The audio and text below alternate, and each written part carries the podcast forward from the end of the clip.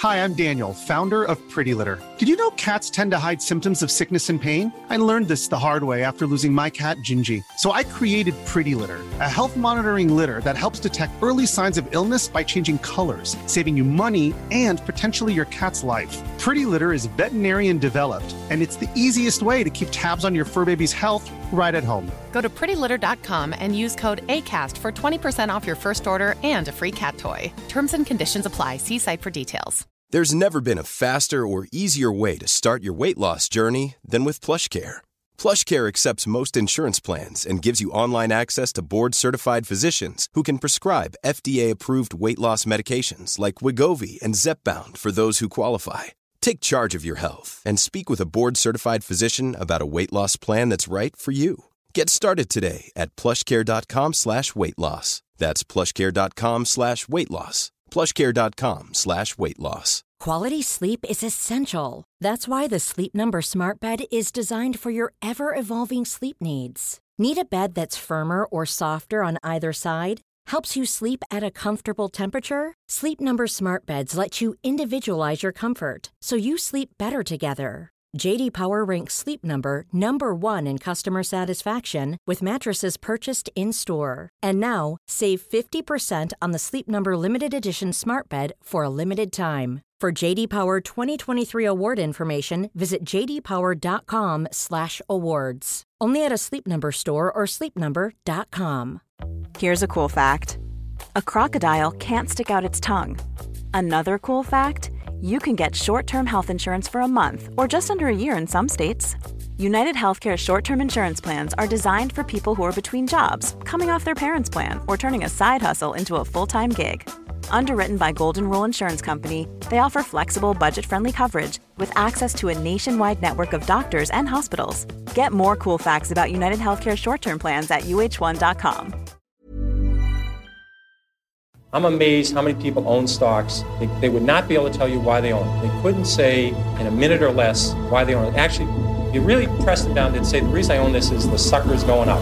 There's enough cash in the financial system, and there's an infinite amount of cash at the Federal Reserve. An infinite amount Put of cash. Put that check in a money market mutual fund. Then we'll reinvest the earnings into foreign currency accounts with compounding interest, and it's gone. So they had to do something. All they had left was just to print money and start buying things. And that's what they did. Quick buck artists come and go with every bull market, but the steady players make it through the bear market. They say money can't buy happiness. Look at the fucking smile on my face. Hej och välkommen till ett nytt avsnitt av Market Makers. Hur är läget med dig Fabian? Det är alltid bra när man får handla på börsen. Jag tänkte fråga hur läget med dig, men så kom jag på att ingen bryr sig om det. Så jag tänkte fråga, vad ska det här avsnittet handla om idag? Vi ska prata om riktigt spännande saker. Vi ska prata om finansiering, kapitalstrukturer och så vidare för att vi ska prata om bolag som förvärvar och olika förvärvsprocesser och så vidare. Det kommer bli väldigt spännande. Det är ju många som känner till de här investmentbolagen. Det är många som är sugna på att investera i investmentbolag. Vi ska prata om två bolag som är lite mer okända eh, och framförallt väldigt, väldigt mycket mindre sett till börsvärde jämfört med Investor och the usual suspects. Men innan vi gör det, jag tänkte bara nämna någonting roligt här. Kommer du ihåg cannabishysterin 2017? Jajamensan, det gjorde en uh, fin avkastning för mig. Ja, vi var ju lite tidiga in i det där faktiskt, har gjort några avsnitt också om det tror jag. Det var ju nämligen så att det, det började legaliseras i Kanada var det ju, cannabis, och då var det ett antal bolag som kom ut på börsen som varit väldigt, väldigt hypade ett tag. Det var ju samma år som bitcoin gick, eh, vad var det, 1000 procent eller någonting sånt också. Så det var ju ett, ett speciellt år kan man ju säga minst sagt. Men efter den här cannabishysterin 2017 vet jag att alla där ute har bara gått och väntat efter nya stora trend inom det här. Och nu är det dags. Nu går det att investera i psykedeliska svampar nämligen. Compass Pathways, det låter inte som ett bolag som säljer något annat än kompasser, men det är ett bolag som håller på med mental hälsa och olika typer av terapier, bland annat då baserade på psilocybin, alltså det aktiva ämnet i så kallade magiska svampar. Och de har noterats nu i USA. Och eh, det är inget, inte vilket bolag som helst, det är ändå lite intressant faktiskt. Och, och jag säger inte det för att man ska springa ut och köpa det nu. Det är en extremt volatil aktie. Den var uppe eh, 30 procent häromdagen och sen var den ner 5 procent idag och så vidare. Men det är ändå lite spännande att den är ibland backad då av techbiljonären, eller miljardären, förlåt, Peter Thiel. Det vet du vem det är va? Jajamensan! Står ju bakom bland annat Paypal och eh, Palantir. Precis, det var ju så. Paypal faktiskt, det är många som tänker på Elon Musk när de hör Paypal idag. Men Paypal är ju till stor del faktiskt Peter Thiel. Men Elon Musk kom in där också genom att han skapade X.com och sen så slog man ihop de här och Elon Musk vart en del av det här då. Ja, båda är ju faktiskt med i det som kallas Paypal-maffian som senare gått vidare och gjort jäkligt många coola saker i Silicon Valley. Ja, bland annat har ju olika delar av eh, Paypal-grundarna skapat LinkedIn, Tesla då, med Elon Musk förstås, som han i och för sig inte skapade, men han köpte upp sen. SpaceX Square, som är noterat just nu. Vi även YouTube, Hjälp och Yammer som varit uppköpta av Microsoft. Men mest intressant och mest aktuellt just nu är väl kanske Palantir Technology, som just Peter Thiel eh, grundade faktiskt. Och det ska ju också börsnoteras nu. Ett säkerhets, eh, datasäkerhetsföretag som är väldigt intressant. Men vi ska sagt prata lite mer om förvärv idag och inte om varken magiska svampar eller datasäkerhet.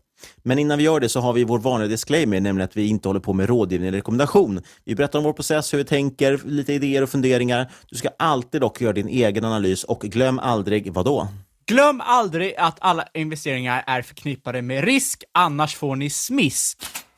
Och denna vecka har vi med oss Best Secret som sponsor igen, vilket vi är superglada för. Det är alltså det hemliga modeparadiset där du kan få upp till 80% rabatt på 3000 kvalitetsvarumärken. Och du Fabian, du sitter ju där i din polotröja och ser ut som skurken James Bond, eller Steve Jobs kanske någon skulle sagt också. Du har ju koll på det här med mode och så vidare. Polotröjan var ju årets modetips 2019. Vad ser du för spaningar just nu? Jag ser den största spaningen är strumpor med Birkenstocks, eller för den riktiga mannen, en kostym, för det går aldrig fel. Just Birkenstock eh, beställde jag faktiskt hem från Best Secret för ett tag sedan. De har ju faktiskt det märket där, eller har haft i alla fall. Riktigt, riktigt eh, prisvärt att köpa sådana kvalitetsgrejer därifrån kan jag tycka. Sen finns det en massa andra märken. Det finns Gant, J. Lindeberg, Oskar Jakobsson, Tommy Hilfiger med mera, så det är schyssta grejer. Ja, men man måste bli inbjuden. Och eh, det är ju ni nu.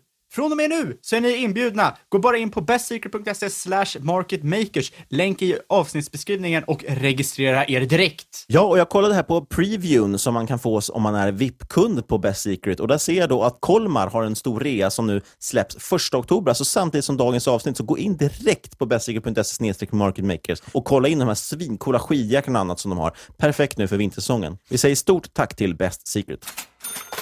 Ja, vi ska prata lite om förvärv och det, det som en del kallar för serieförvärvare, ibland kan det heta investmentbolag. Det finns ju väldigt många olika beteckningar och det är lite också för att de är ganska olika här. Och man pratar ofta varmt generellt om de här svenska serieförvärven på börsen och det tycker jag med all rätt. Det är en rätt tacksam affärsidé att investera i och det syns också på aktiernas utveckling, i alla fall för en del av dem. Och Vi kan ta några av de här favoriterna, till exempel Adtech, Indutrade, Lagerkrantz. Just de tre vet jag att bland annat Kvalitetsaktiepodden gjorde ett väldigt bra avsnitt om, som vi kan länka till i avsnittsbeskrivningen. Men det finns också väldigt mycket mer. Det finns ju Adnode som är ett fokuserat på IT-bolag, den är upp 150 de senaste tre åren. Och sen har vi förstås de här gamla drakarna. Det är Latour, det är Investor, det är Industrivärden med mera.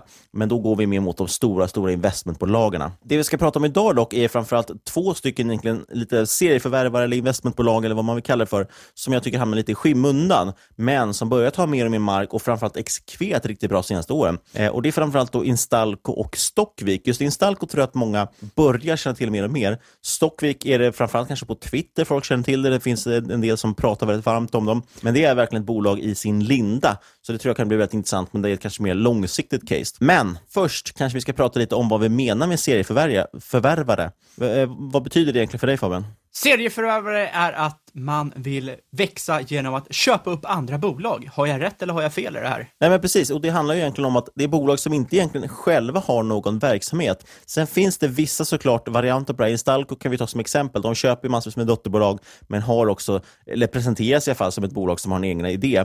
Medan till exempel Stockvik eller Volato till exempel, som jag såg var med i Penserpodden häromdagen, och Patrik där är ju väldigt aktiv på Twitter. De är ju mycket mer liksom, ja, egentligen passiva ägare. De har en, en bunt sedlar och så vill de sätta dem i rullning och börjar då helt enkelt köpa bolag. Ja, ett av de hetaste i år är ju utan tvekan Embracer som vi snackade om i avsnitt 127.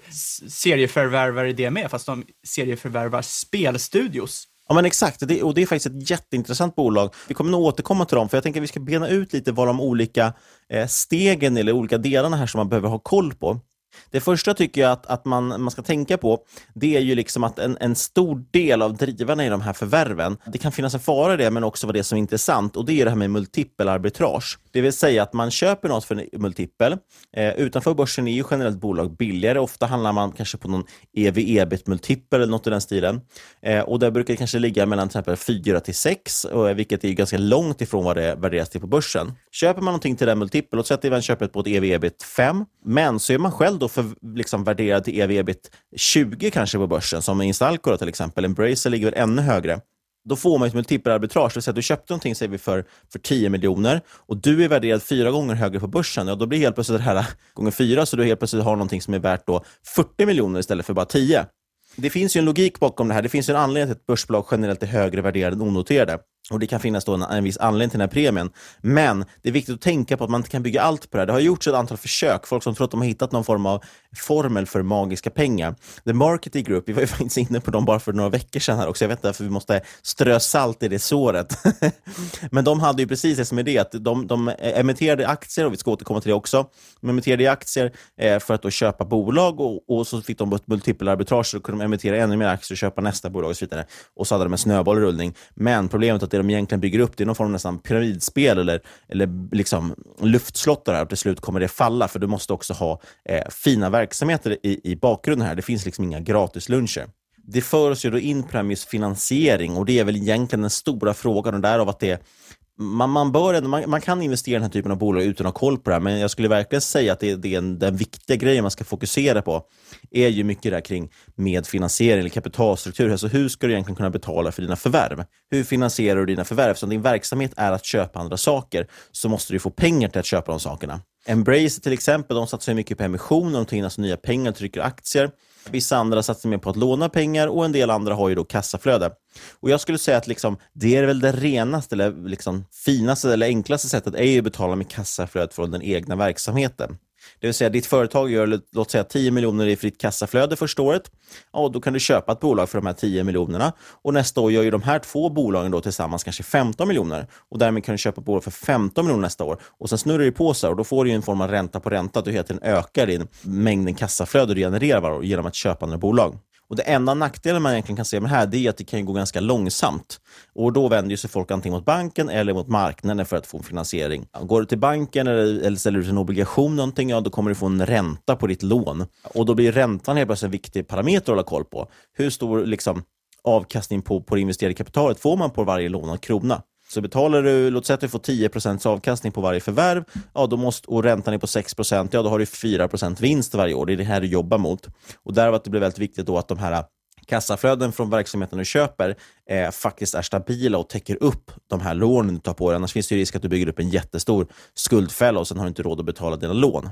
Lite som, man kan hela tiden jämföra det här mot en, en privatperson. Det är lite som att en privatperson skulle låna för att köpa aktier och sen helt plötsligt går de här aktierna ner. Ja, då kommer du inte kunna betala dina räntor antagligen. Så det ska man tänka på. Liksom. Vad händer i en recession egentligen när dina bolag inte längre genererar de här 10 procenten utan kanske går minus 10 procent? Andra sidan, det man ska då tänka på den här typen av bolag, Stockvik som vi ska komma in på, de jobbar ju mycket med den här typen av finansiering. Men fördelen de har då det är att de hela tiden växer och desto större du blir, desto mer kan du förhandla mot banken, mot långivare och de kan även ställa ut obligationer. Och Det här är som sagt en av de intressanta grejerna också med Stockvik, det är att de har potentialen att förbättra sin finansieringsränta rejält, eller de har redan börjat göra det till och med. Vilket gör det helt plötsligt att de får en ganska stor hävstång på sitt resultat. Sen, sen får du inte glömma att man kan göra med emissioner också, Niklas. Kan du inte gå in på det också? Men precis, och det är det Embrace gör också. Det är egentligen att man tar in kapital från sina investerare. Man, man trycker helt enkelt nya aktier som man säljer på marknaden och då får man in lite nya härliga pengar i bolaget. Här finns det lite olika varianter att, att göra det här på eh, och vi ska inte liksom grotta ner oss i det, men man kan till exempel jobba med en typ av företrädesemission, det vill säga att man ger företräde kanske till befintliga aktieägare så att de inte blir utspädda. Eller så har man en riktad nyemission, det vill säga att man riktar den och det är bara ett visst antal investerare som får ta del av den. Eh, det här gör ju till exempel Stockvik igen, när de ska gå in i ett bolag, då vill de att det bolaget också ska få betalt till viss del i egna aktier. Och Då gör man en riktad emission mot de som man köper bolaget av. För risken med en nyemission är att man förstås hela tiden liksom späder ut befintliga aktieägare.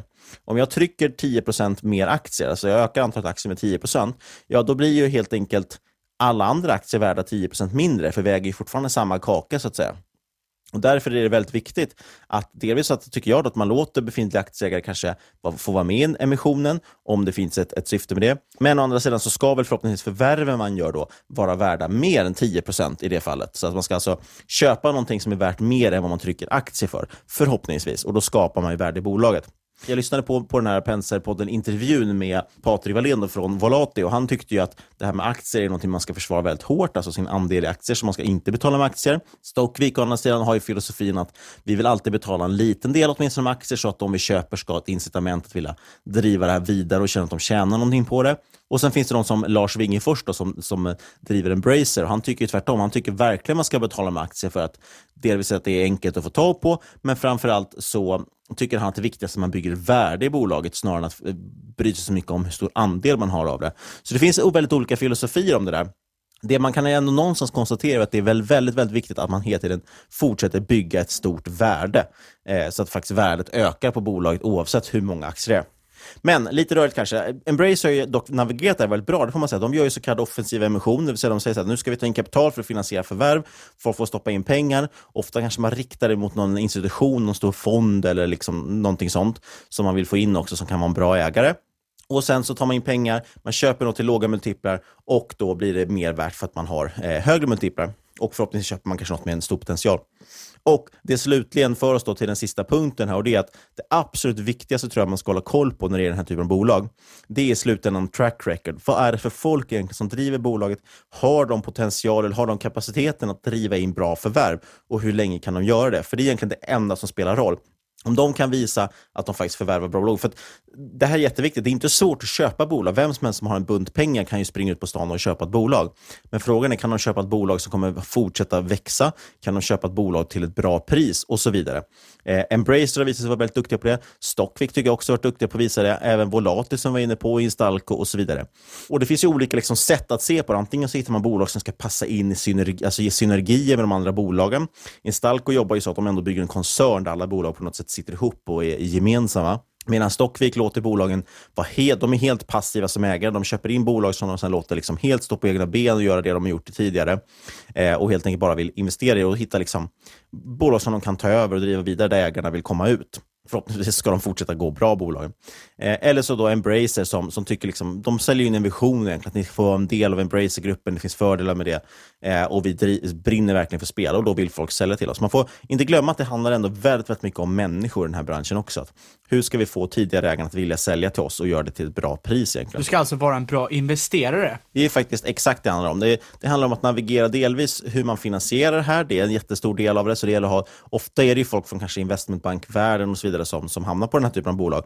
Folk måste liksom vara duktiga på det ekonomiska och förstå hur de ska finansiera på ett vettigt sätt. Men sen handlar det också om att någonstans känna in dem man köper av och hitta de bolagen och så vidare och göra det till ett bra pris. Okej, okay, men med det sagt, ska vi kanske gå in lite på Stockvik och eh, Instalco? Ja, absolut. Vi kan gå in på bolagen och eftersom vi inte har någon bättre sätt att sortera efter så varför inte gå i bokstavsordning? Det låter bra. Efter en vår och en sommar med heta SAS-bolag, coola e-handelsbolag, ja, då ska vi nu prata om världens minst coola förvärvsbolag, Instalco. Nej, jag skämtar bara. Uh, Instalco, förvärvsbolag som fokuserar på olika typer av installationer i Sverige, Norge och Finland. Alltså installationer i byggsektorn. Det som är kul med Instalco är att de har en otrolig förvärvstakt och det här innebär att de har dubblat omsättningen de senaste åren och den här förvärvstakten, den bara trappas uppåt och har verkligen skruvats upp nu rejält det senaste året. Ja, precis, och det är därför de har stigit ganska mycket på börsen. Folk har börjat upptäcka bolaget och det är därför det också är intressant. För att det finns ju ändå en, en styrka i förvärvsmodellen. Om man sätter den på ett bra sätt och, och bygger upp liksom en, en nisch inom det så, så finns det väldigt mycket potential i den här typen av aktier. Därför vi ändå tycker det är intressant. Exakt, och det är exakt det Instalco gör. De satsar ju främst på några få områden och satsar på att köpa upp bolag som verkar inom de här nischerna för att bygga upp en väldigt stark marknadsposition. Och som du sa tidigare, ett starkt nätverk av specialistkunskaper. Så om man går in på, de har ju tre huvudområden kan du säga. Det är värme och sanitet som står för cirka 40% av omsättningen. Du har el som är cirka 40% också av omsättningen och sen har du ventilation som är typ 12% av omsättningen. Så här är ungefär 90% av omsättningen.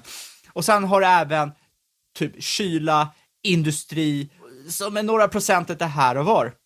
det man ska veta med Instalco att de verkar på en väldigt fragmenterad marknad. Och det här har ju troligtvis hjälpt dem väldigt mycket de senaste åren med att växa. De har, 2014 var de fem bolag och sedan dess har de växt till 65 bolag idag i tre olika länder.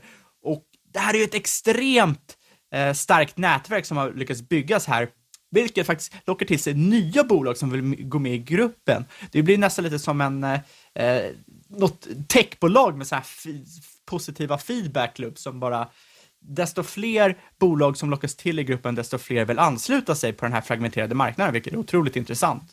Framförallt så verkar det som det här nätverket har fungerat, för de lockar till sig massvis med kunder. De har kunder som NCC, JM och Skanska och 80% av kunderna är återkommande. Så du har ju lite av ett eh, SAS-bolag här med recurring revenue. jag lyssnade faktiskt på häromdagen så var det tror jag i Motley Fool. Eh, de har ett antal olika poddar och de är så fruktansvärt positiva och optimistiska till vad det än är för någonting. Till och med Nikola nu som har kommit ut som en scam och nu är han anklagad för sexuella trakasserier också, deras för detta vd som raderar sin Twitter som svar på bedrä bedrägerianklagelserna. Eh, till och med det kunde de framea som någonting positivt. Och de pratade faktiskt om det här, det var något bolag, jag minns inte vilket, som de tog upp just, som hade återkommande kunder och de försökte sälja in det då som att det var recurring revenue. och vi måste ändå bara tydliggöra, det är verkligen inte samma sak. Men jag vet att många bolag försöker sälja in det så idag, för att, just för att SAS och så vidare inte är så intressant. Men prenumerationer och så vidare, det är recurring revenue. Bolag där folk liksom förnyar sin prenumeration och så vidare. Att du har varit ute och installerat el eh, på något bygge och sen så ringer den entreprenören igen och säger att vi skulle vilja att du installerar el även på nästa bygge. Det är att du har gjort ett bra jobb och, och, och har liksom, kontakt. Det är inte att du har recurring revenue. I sånt fall är i princip all, alla bolag som inte är enbart är nya kunder har i sånt fall recurring revenue. Ja, du kan ju nästan säga att det är en ja. Nätverkseffekt, för du bygger ett gott kontaktnät. Precis, om du springer runt och minglar här i, i stan och, och bygger upp ett nätverk, då har du nätverkseffekter. Nej, men det, det, är mycket buzzwords som sprids, men däremot så finns det dock en poäng i det här med nätverkseffekten till viss del. Eh, men framförallt handlar det kanske mer om ett rykte, precis som alla typer av relationer, oavsett vad du jobbar med för någonting, så bygger det till relationer. Och Det man ska tänka på, det återkommer till alla de här typerna av förvärvsbolag, det handlar om hur får de ta på förvärven. Eh, vissa har ju specialiserat sig till exempel på bolag som genomför som generationsskiften, där nästkommande generation inte vill ta över bolaget. Det vill säga att du har några som har drivit upp ett bolag, men deras barn idag kanske inte vill ta över bolaget. Och då är frågan, vad ska du göra med det? Ja, Jävla då ser man det som sin... och då har man lagt hela livet sin... för att göra ett bra bolag. Och så vad gör ni? ja, precis. Och då ser man kanske det som sin pension helt enkelt. Att det kommer in något stort industriförvärvsbolag som säger att ja, du får si och så många miljoner för det. Och så tänker man ja, ja, det, ja men det är ganska bra. Då får jag liksom en schysst pension. Det viktigaste dock för en sån person ofta är ju att bolag drivs vidare på ett bra sätt, att de anställda fortfarande får vara kvar och så vidare. För det är ändå du som står för det här bolaget. Det är ditt rykte på någonstans som, som bygger på det här. Därav att det är så viktigt med det här ryktet du har som förvärvare också. Eh, du kan inte bara komma in som något riskkapitalbolag och bara rensa ur all skit och, och liksom skicka vidare ut och, och, och, och någonting som är sämre på andra sidan. Så det, för många av de här bolagen är det väldigt viktigt. Eh, sen finns det också de förstås som bara kanske vill bli av med sitt bolag för de känner att ja, jag vill inte vara entreprenör längre eller egen. Jag vill liksom bara jag vill sälja bolaget, vara anställd i en större koncern, slippa alla problem. Man kanske till och med haft lite svårt att få ihop det ekonomiska för att man är bättre på att bygga eller installera el eller vad det är än att sköta ett bolag. Och då kanske man går till en, till en aktör som Instalco till exempel, som då får förhoppningsvis ett bra rykte. Köper de andra bolag, folk ser att det funkar bra när de köper andra bolag, de sköter det snyggt, ja då kommer de också gå dit så att säga. Så det var, det var lite kort bara om det, men det är en så viktig grej att förstå just de här mänskliga relationerna i, i förvärvsbolag. Det som också är väldigt intressant med Instalk och nu när du säger eh, att de har återkommande kunder och hur viktigt det är, det är att Instalco, de satsar mycket på medelstora projekt med relativt kort löptid. Löptiden på eh, projekten är cirka ett år, så att det finns ju tid här för att kunderna ska komma tillbaka. Och som sagt, medelstora projekt, en till 75 miljoner kronor, Eh, står för cirka 80 procent av omsättningen. Så inte de största projekten, de är kort, har kort löptid och det här innebär att det är en begränsad capex, begränsad rörelsekapital, men väldigt högt kassaflöde. Och det här har över tid lett till att bolaget har fått en minskad skuldsättning trots att de har ökat förvärvstakten. Och det är extremt coolt i ett sånt här bolag. Ja, och det där är nog en ganska naturlig följd av att man just förvärvar många små bolag. Till skillnad från till exempel Skanska och JM som är jättebolag som kommer att ha större projekt också. Eh, där de har mer av en edge också, så de är en av få som kan lämna offerter på det. Men så, det, det är en fragmenterad marknad här som vi pratar om. Det är väldigt mycket sådana små nischbolag. Det är bara att tänka själv, varenda stad har ju sina egna små elhantverkare och sin snickeri och, och, och, så vidare. Och så vidare. Och egentligen, om man ska titta på, det finns ju dock några andra konkurrenter här och det är egentligen eh, Bravida de är faktiskt marknadsledande. Jag tycker det är en ganska bra peer också eftersom de är även noterade. Eh, de har 11 procent av svenska marknaden. Sen har vi finska Caverion och så privatägda Assemblin också. Men som sagt, det, man kan nämna här också är att de två första har faktiskt lägre marginaler än Instalco också, så det är lite intressant. Och vi ska återkomma lite till det här med jämförelsen med Bravida, för det tycker jag det är ganska bra peer att jämföra mot. Ja, enligt uppgift så kommer installationsmarknaden troligtvis inte växa så jättemycket de kommande, kommande åren. Marknaden ligger på cirka 20 miljarder SEK över Instalcos alla målmarknader. Men installationer kommer troligtvis fortsätta ligga på en hög nivå. De kommer alltså inte sjunka för Instalcos del. Och det här är för att det kommer komma nybyggen, det är gamla bostäder som har miljö och energieffektivitetskrav, offentliga sektorn som behöver investera och eh, framförallt är det ju en ökad urbanisering och så ser vi befolkningstillväxt. Det här med urbanisering kanske man dock kan diskutera i och med covid och jag har hört att allt fler har börjat tänka på att flytta ut till landet. Vilket låter som en mardröm för min del. Nej, men det, det, ligger någonting i det. Det, det. finns, det går ju lättare såklart att jobba hemifrån idag. Eller har det blivit så att man, man får, kan jobba hemifrån mer? Förväntas inte komma in på kontoret lika mycket, kanske inte ens får komma in på kontoret lika mycket. Och då blir det intressant. Å andra sidan, just för installationsfilmer så är det ganska viktigt att man är på plats på jobbet. Vad fan gör man ute på landet? Ska man fan sitta och prata med en jävla ek? Daniel Ek, vad har du emot honom nu då? Som ni kan gissa så kommer ni inte se några coola zoom-tillväxter i Instalco, men de satsar ändå på 10% omsättningstillväxt per år, vilket inte är fy skam. Och det här är ju framförallt genom att växa via förvärv Eh, det som är väldigt coolt är att bolaget faktiskt inte ser några begränsningar i att hitta framtida förvärvsobjekt. Och utöver det här så är Stalco en relativt stabil intäktsbas från serviceintäkter som står för cirka 20 procent av intäkterna och det här satsar de på att höja framöver. Ta sönder sina grejer lite oftare så att de får serva mer. Nej, jag ska. Men just det här med 10% omsättningstillväxt, det här är ju verkligen som du säger, inget Zoom eller någonting. Men å andra sidan har det en rätt annorlunda värdering också. Det här får du ju köpa till typ P20 istället. Eh, och anledningen till att det här är lite intressant med den här typen av bolag är ju för att vara lite långsiktig så kan det vara intressant att titta på sådana här just compounders. Hittar man bolag som är så stabila, som kan faktiskt uthålligt leverera till exempel 10% per år, ja då kan du få en extremt hög avkastning på det på sikt. Eh, och 10% är inte fy skam med tanke på dagens ränteläge kan jag tycka. Det som också är intressant eh, att nämna apropå det, du säger att de just har eh, egentligen ser ingen, ingen brist på förvärvsobjekt. Det ska man också tänka på att desto större bolagen är, desto svårare kommer det alltid vara för dem att växa, i alla fall genom förvärv. För har du eh, liksom är du värderad till 100 miljoner ja då finns det ganska mycket bolag du kan köpa för att addera värde.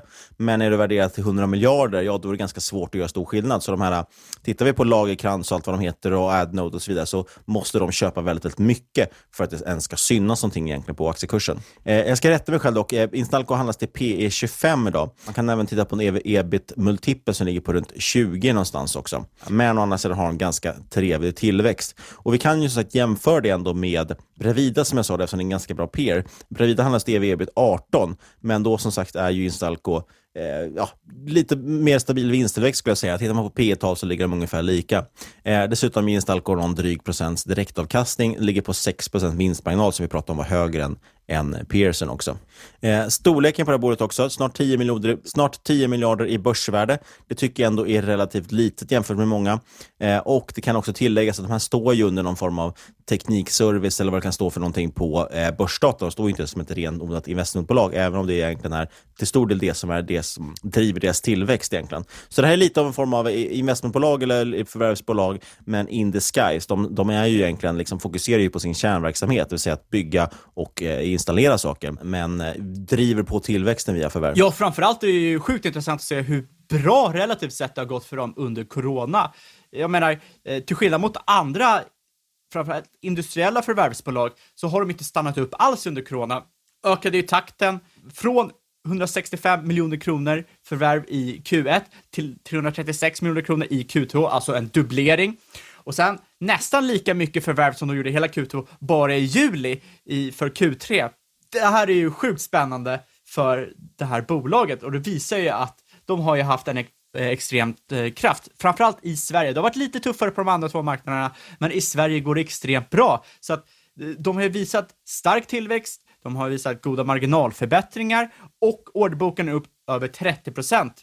Det visar ju på hur installationsbranschen har en väldigt bra underliggande drivkraft och hur Istalco satsar på stabil tillväxt och faktiskt kan leverera den här tillväxten. Framförallt så vet man ju också att deras tillväxt känns väldigt säker. Deras exponering mot till exempel nybyggen är endast 10% Så det, det känns ju som, investerar man i det här bolaget sitter man lite mer säkert i båten. Vill du höra ett skämt Niklas, om Instalco? Absolut. Instalco, more like install kolugnt. Mm. Vi går vidare.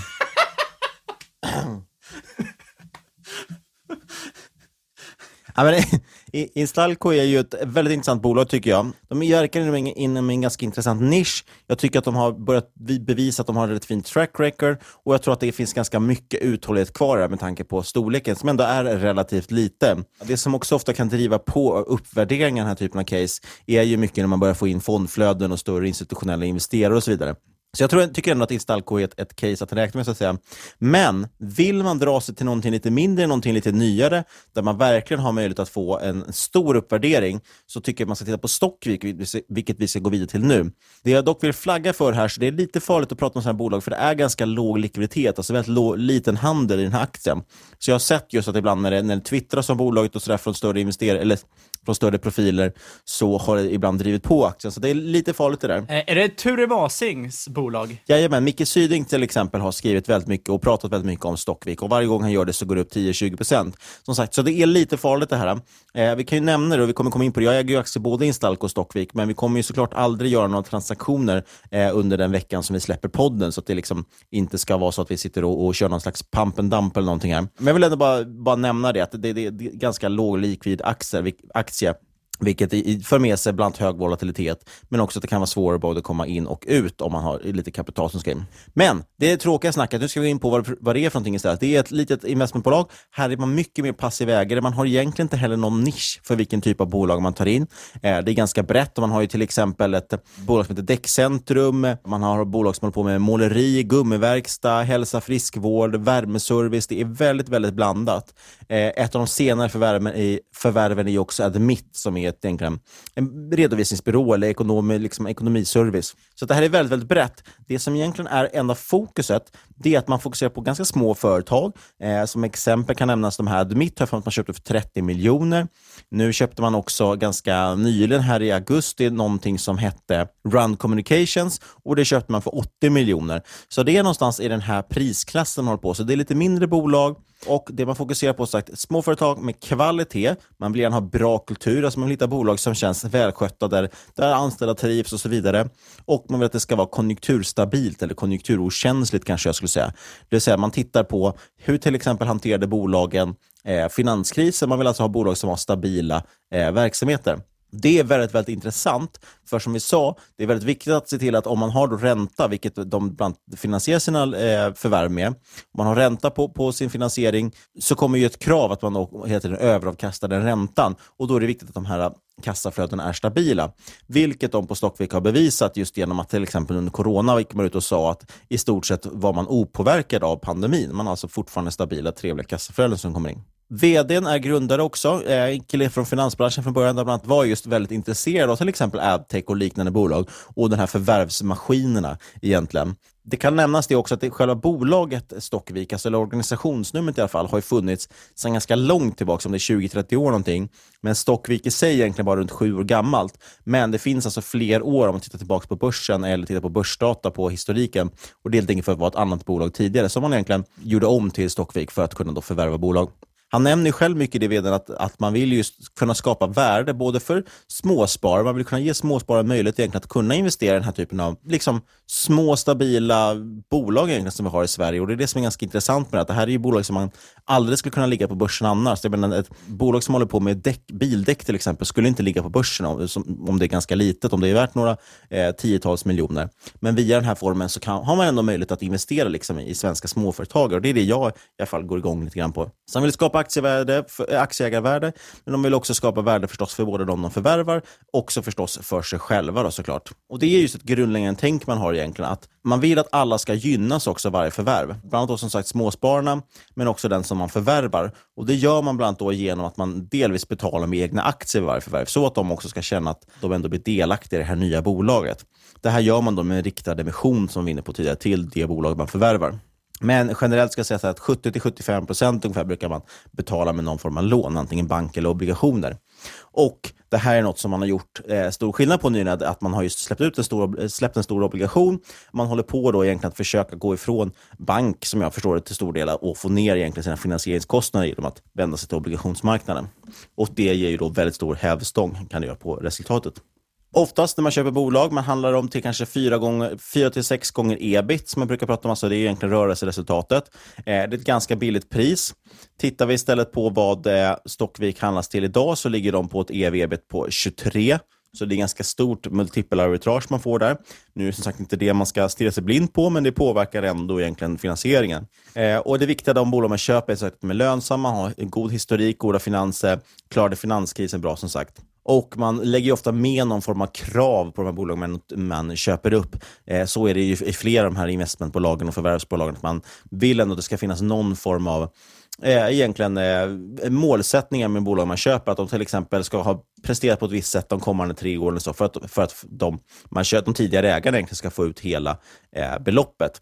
Och Det är bara för att bygga in en, en, säkerhet i förvärven så att man inte får folk som hoppar av det och drar med sig alla anställda och startar något nytt till exempel. Eh, just det, jag, jag, glömde nämna det förresten, det här med att man har köpt upp ett, man använder tidigare egentligen organisationsnummer som man är noterade som. Det fina med det är att de tidigare bolag, det tidigare bolaget då man har köpt upp, de har ju faktiskt samlade förluster på över 300 miljoner från den här tidigare verksamheten.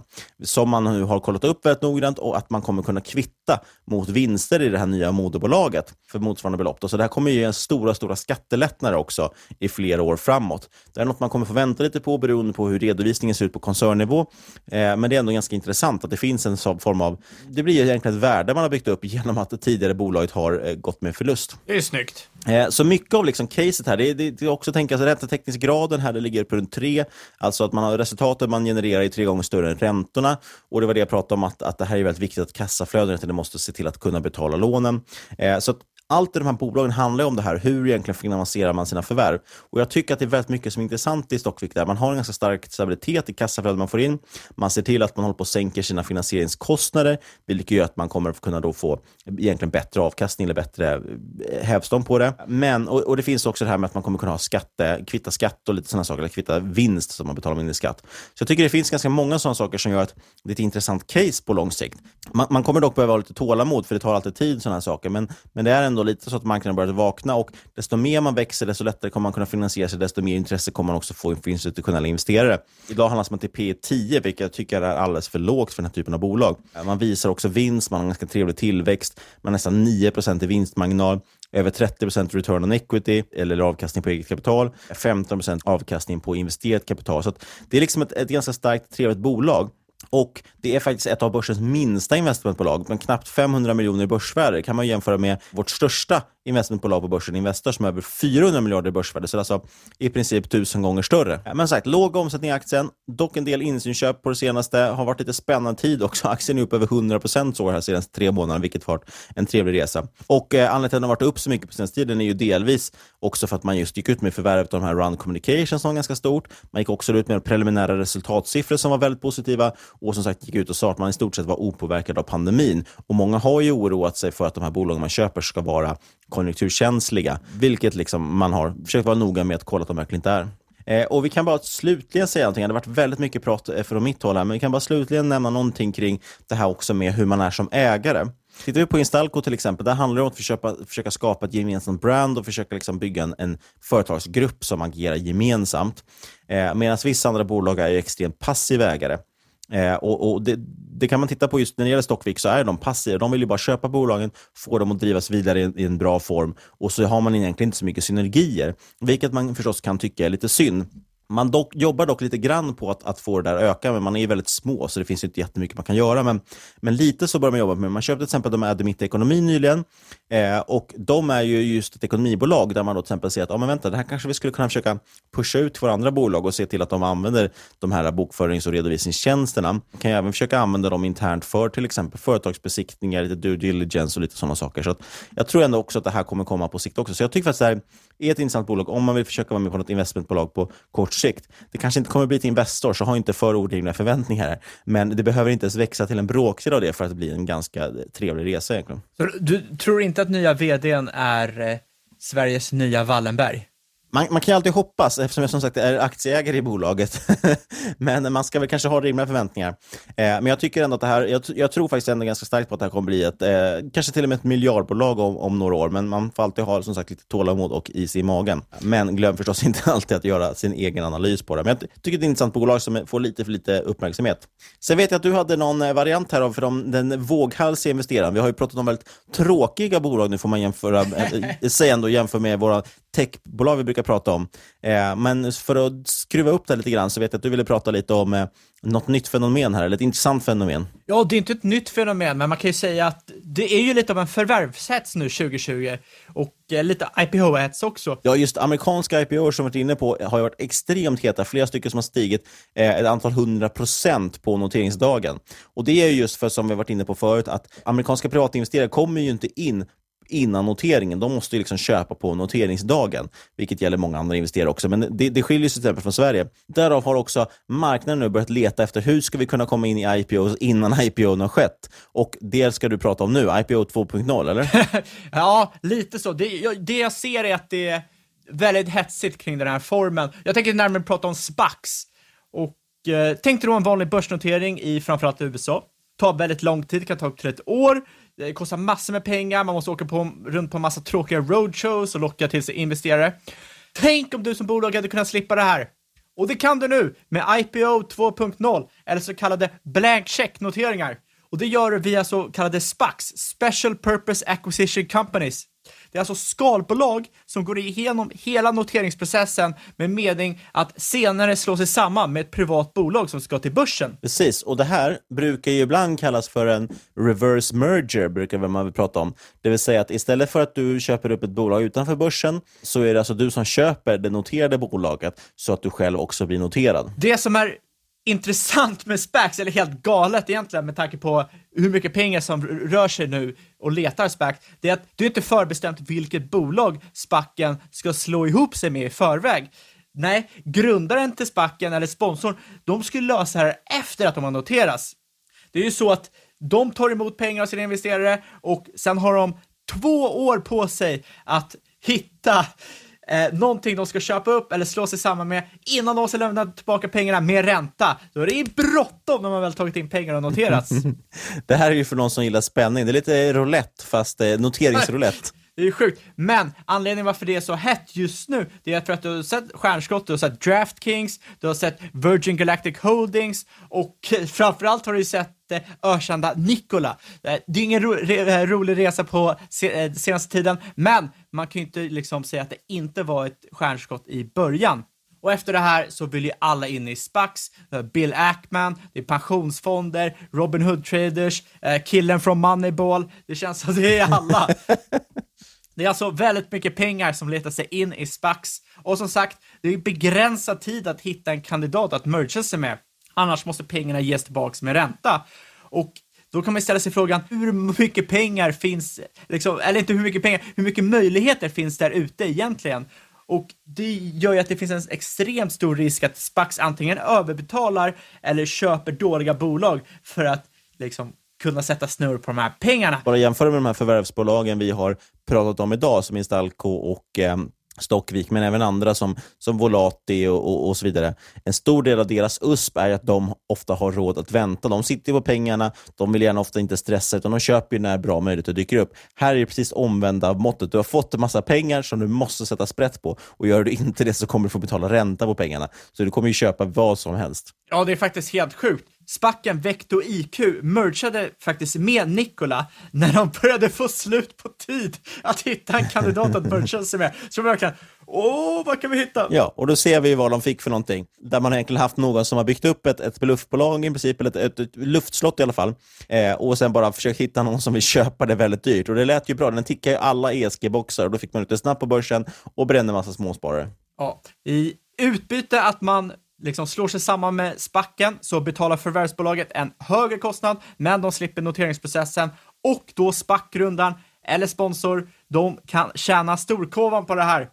Jämför du med hedgefonder, en hedgefond, så får du 20% av avkastningen. Inte så konstigt, alla känner till den här 2,20 avkastningsmodellen. Men i en SPAC så får man 20% av det nygrundade bolaget, vilket är helt insane. Eh, sponsorer, de tjänar ju pengar i stort sett, alltså grundarna av Spaxen, de tjänar pengar i stort sett hur bolaget än går, vilket gör att det är extremt skev incitamentsynvinkel. Ja, men precis. Här kan vi prata om multipel-arbitrage. Så om du lyckas övertyga någon att ja, merga med vår SPAC här eh, och, och, vi kan köpa, göra det till ev 20 eh, säger vi, vi kan ändå ta i lite rejält. Men på börsen, eftersom du tickar för alla de här boxarna, då kommer det säkert bli värderat till 40 för folk är helt galna just nu. Och då får du 20 procent av bolag som helt plötsligt uppvärderades 100 procent. Det känns verkligen som en win-win för alla utom de som kommer in sist. Nej, men exakt. Du, du som sponsor betalar ju liksom en avgift på typ 25 000 dollar för att gå och leta efter investerare som pumpar in några hundra miljoner dollar i spacken och sen går du och förvärvar ett eh, större bolag så att du, du får en total värdering på en eller några miljarder när det nya enheten är börsnoterad. Man ser liksom direkt att du med dina 20% vinner oavsett vad du köper, oavsett vad du noterar helt galet. Jag säger inte att alla SPACs är dåliga. Men det är, det är en väldigt märklig struktur på, på att göra de här affärerna. Alltså bara för att förtydliga det tycker jag ändå. Du, du som skapar själva SPACen, du har egentligen bara gått igenom noteringsprocessen och stoppat in lite avgifter och så, så det handlar alltså om några, några hundratusen egentligen du har stoppat in. Eh, sen är det sponsorer, det kan ju vara andra personer som stoppar in kapitalet. De stoppar in ett antal hundra miljoner dollar. Eh, och Sen så förvärvar du ett bolag som då förhoppningsvis får en skyhög värdering, så som börsen ser ut just nu. Och då helt plötsligt har investerarna har ju mångdubblat sina pengar. Du som spacker fick som sagt 20% av det här miljardbolaget, så du är ju den som är verkligen stora vinnaren som säger. Man kan ju dra in ett antal hundra miljoner dollar, alltså på att bara liksom dra igång den här Spacken, med ganska lite risk på några hundratusen.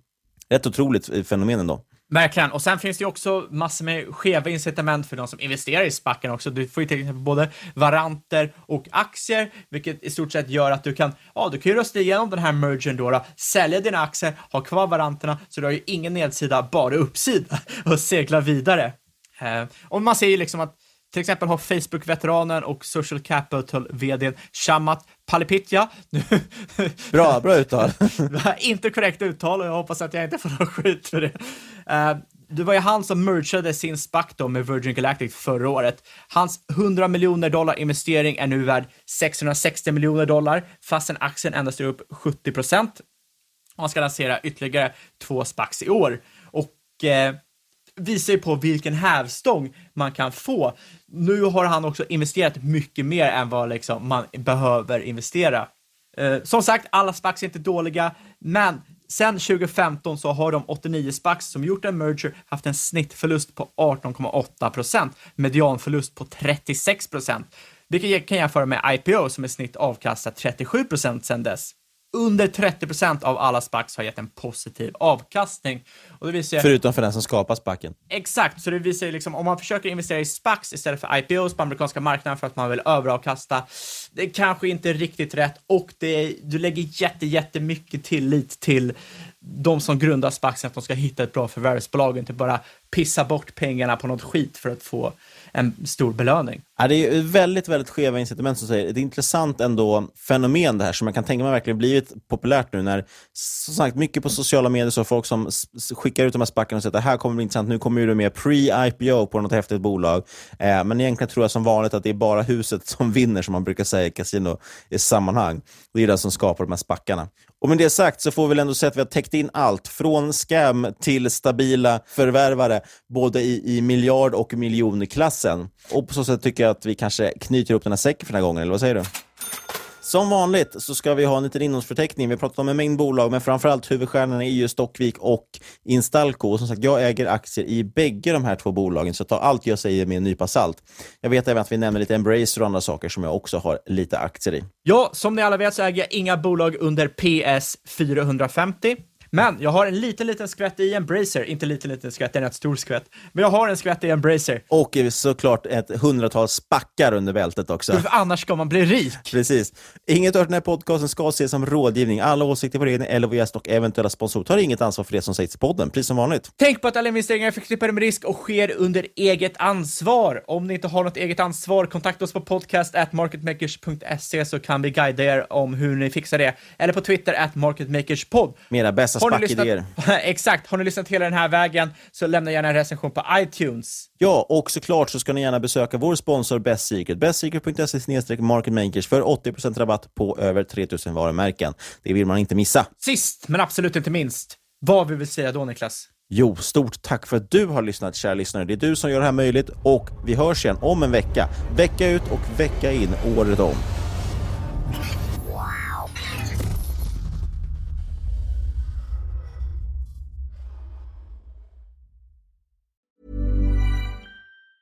Many of us have those stubborn pounds that seem impossible to lose, no matter how good we eat or how hard we work out. My solution is PlushCare. PlushCare is a leading telehealth provider with doctors who are there for you day and night to partner with you in your weight loss journey. They can prescribe FDA-approved weight loss medications like Wagovi and Zepbound for those who qualify. Plus, they accept most insurance plans. To get started, visit plushcare.com slash weight loss. That's plushcare.com slash weight loss. Hi, I'm Daniel, founder of Pretty Litter. Cats and cat owners deserve better than any old fashioned litter. That's why I teamed up with scientists and veterinarians to create Pretty Litter. Its innovative crystal formula has superior odor control and weighs up to 80% less than clay litter. Pretty Litter even monitors health by changing colors to help detect early signs of potential illness. It's the world's smartest kitty litter. Go to prettylitter.com and use code ACAST for 20% off your first order and a free cat toy. Terms and conditions apply. See site for details. I'm Sandra, and I'm just the professional your small business was looking for. But you didn't hire me because you didn't use LinkedIn jobs. LinkedIn has professionals you can't find anywhere else, including those who aren't actively looking for a new job but might be open to the perfect role, like me.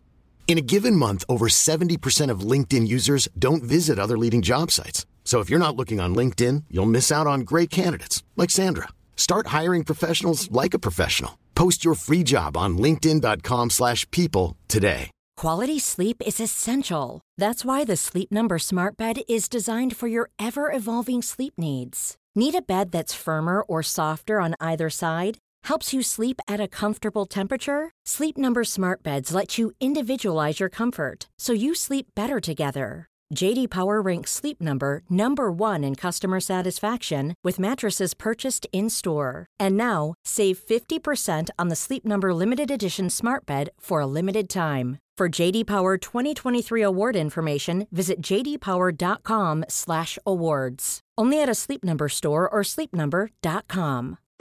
Since 2013, Bombas has donated over 100 million socks, underwear, and t-shirts to those facing homelessness.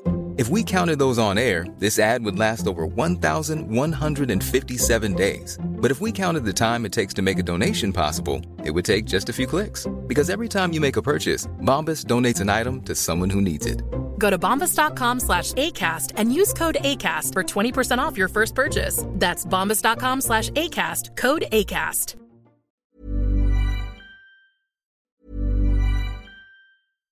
Hi, I'm Daniel, founder of Pretty Litter. Cats and cat owners deserve better than any old fashioned litter. That's why I teamed up with scientists and veterinarians to create Pretty Litter. Its innovative crystal formula has superior odor control and weighs up to 80% less than clay litter. Pretty Litter even monitors health by changing colors to help detect early signs of potential illness. It's the world's smartest kitty litter. Go to prettylitter.com and use code ACAST for 20% off your first order and a free cat toy. Terms and conditions apply. See site for details.